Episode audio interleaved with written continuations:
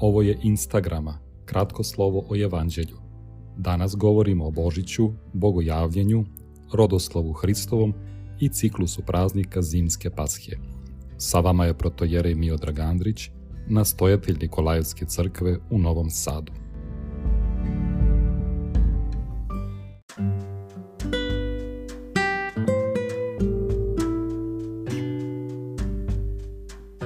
Na liturgiju nedelju svetih otaca, kada se crkva seća svih Hristovih srodnika po telu, po svim hramovima pravoslavne vaseljene čita se početak Evanđelja po Mateju sa opisom rođenja Isusa Hrista, a kome neposredno prethodi njegov rodoslov, koji obrnutim redosledom i nešto drugačije navodi sveti apostol Luka u trećoj glavi.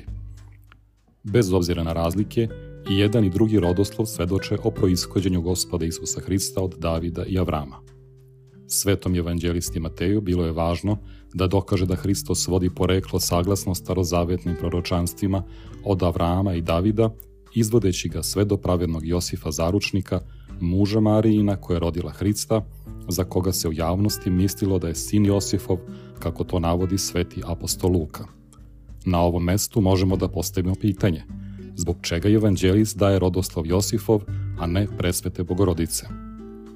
Razlog je zapravo običaj da se srodstvo izvodi isključivo po ocu, a kako je bogorodica bila jedino dete Joakima Jane, to je po Mojsijevom zakonu, ona trebala da se uda za rođaka iz istog kolena, plemena i roda, a to je jedino bio tada već vremešni starac Josif, za koga se pretpostavlja da je imao oko 80 godina. Da biološka veza između predaka i potomaka nije isključiva, svedoči i par razlika u rodoslovu evanđelista. Po svetom Mateju, pravedni Josif, sin je Jakovljev, a po svetom Luki, sin Ilijev. Razlog je zakon deverske dužnosti iz pete knjige Mojsijeve po kome je, u slučaju smrti jednog od braće, drugi brat dužan da uzme za sebe njegovu ženu. Takva braća su bila Jakov i Ilije, pa pošto je Jakov umro bez dece, Ilije je učinio deversku dužnost ostavljajući porod svome bratu rodivši Josifa.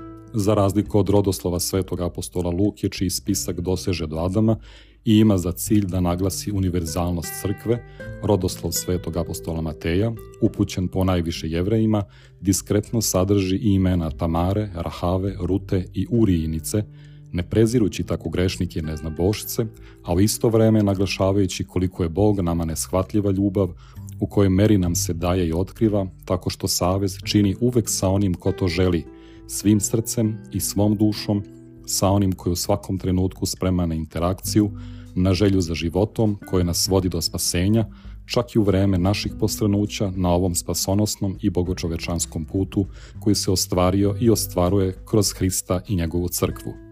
Tako Hristov rodoslov završava sa Josifom, ne slučajno nazvanim pravednim i zaručnikom, jer je po svemu osim biološki bio zakoniti otac Bogomladencu Hristu sa svetim poslušanjem da ga podigne i zaštiti njega i njegovu majku presvetu Bogorodicu. On je svedok Božije premudrosti i ljubavi, poslednji u nizu hrabrih predaka koji je sledio Božiju promisa koja je nekada praocima, kao i pravednom Josifu, izgledala kao nemogući izazov, božanski izazov koji je nama ljudima ponekad neshvatljiv i nelogičan zbog naših strahova i zemaljskih sudova. Prazniku rođenja Hristovog prethodi Filipov post koji zajedno sa Božićem, bogojavljanjem i sretenjem čini period koji je otac Aleksandar Šmeman nekada nazvao zimskom paschom. Zbog bogoslovskog značaja Božić i Pasha predstavljaju dve središnje tačke bogoslužbene godine, gde je Pasha centar pokretnih, a Božić centar nepokretnih praznika.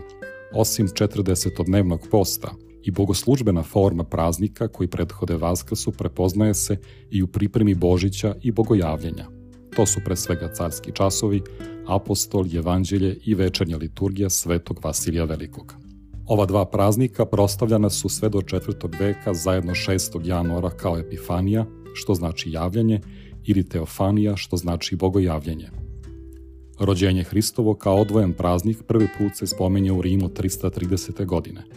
Za dan praznovanja utvrđen je 25. decembar, ali ne zato što je to tačan datum rođenja, nego zato što je to bio dan zimske ravnodnevnice kada su pagani u Rimu slavili praznik nepobedivog sunca, koji od cara Aurelija do Konstantina Velikog bio zvanično dvorsko i državno božanstvo.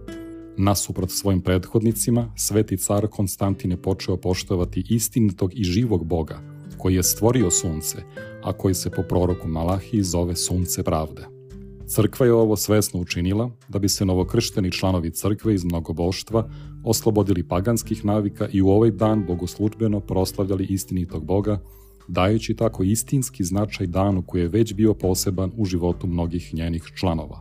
Božićni tropar sastavljen je tako da se naglasi činjenica da je one koji su se ranije klanjali zvezdama i suncu, naučila zvezda da se klanjaju istinskom suncu, koji daje istinitu svetlost i koji jeste istinita svetlost.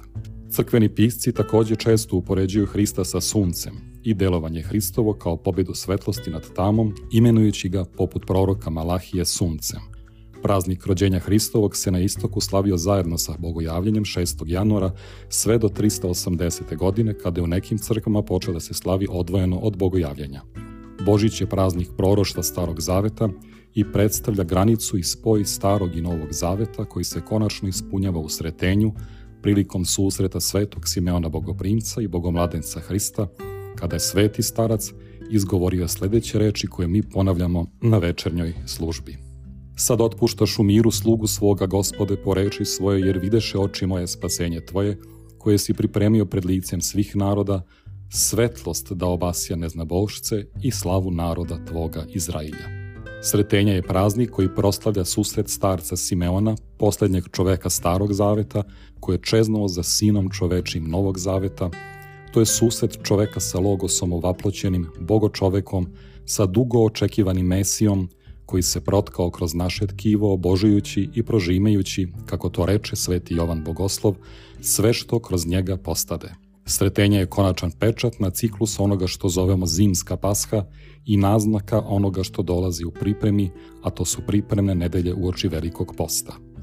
Za kraj trebamo reći i to da se Božić oduvek veoma svečano proslavljao na samom mestu rođenja Hristovog, u veličanstvenoj Vitlejemskoj bazilici u kojoj kod ikonostasa sa desne strane pećina u kojoj se rodio spasitelj. U pećinu se spušta mermenim stepenicama, gde se na istočnoj strani može videti mesto rođenja Hristovog, pokriveno mermenom pločom i oblaženo srebrom u obliku zvezde. Nad ovim mestom je predstvo na kome služe pravoslavni, a iznad mesta rođenja Hristovog gore neprestano kandila.